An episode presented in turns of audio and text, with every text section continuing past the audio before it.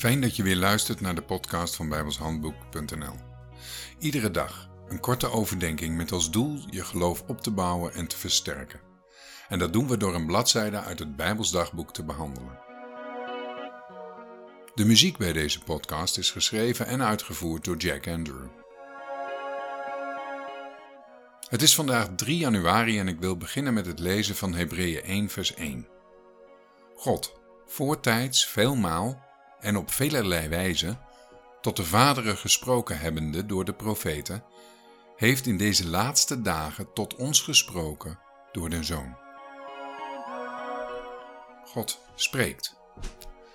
Onze God is een God die spreekt. En waarom spreekt Hij? Hij spreekt omdat Hij zijn aard, zijn gedachten, zijn wil, zijn plannen tot uitdrukking wil brengen.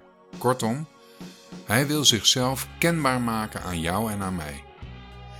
Hij legt zijn werk van verleden en heden uit. Hij kondigt zijn toekomstige daden aan en zijn uiteindelijke overwinning.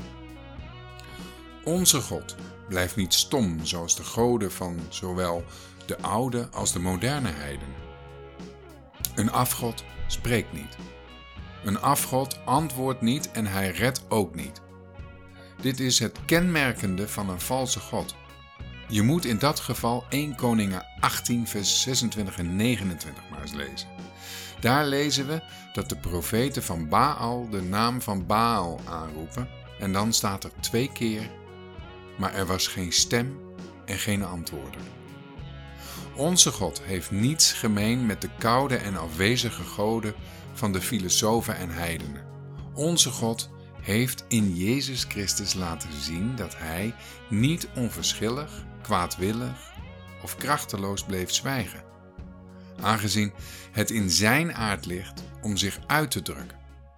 Maar onze God is een sprekende God, niet via briefjes rechtstreeks of via anderen uit de hemel, maar door Zijn Zoon Jezus Christus.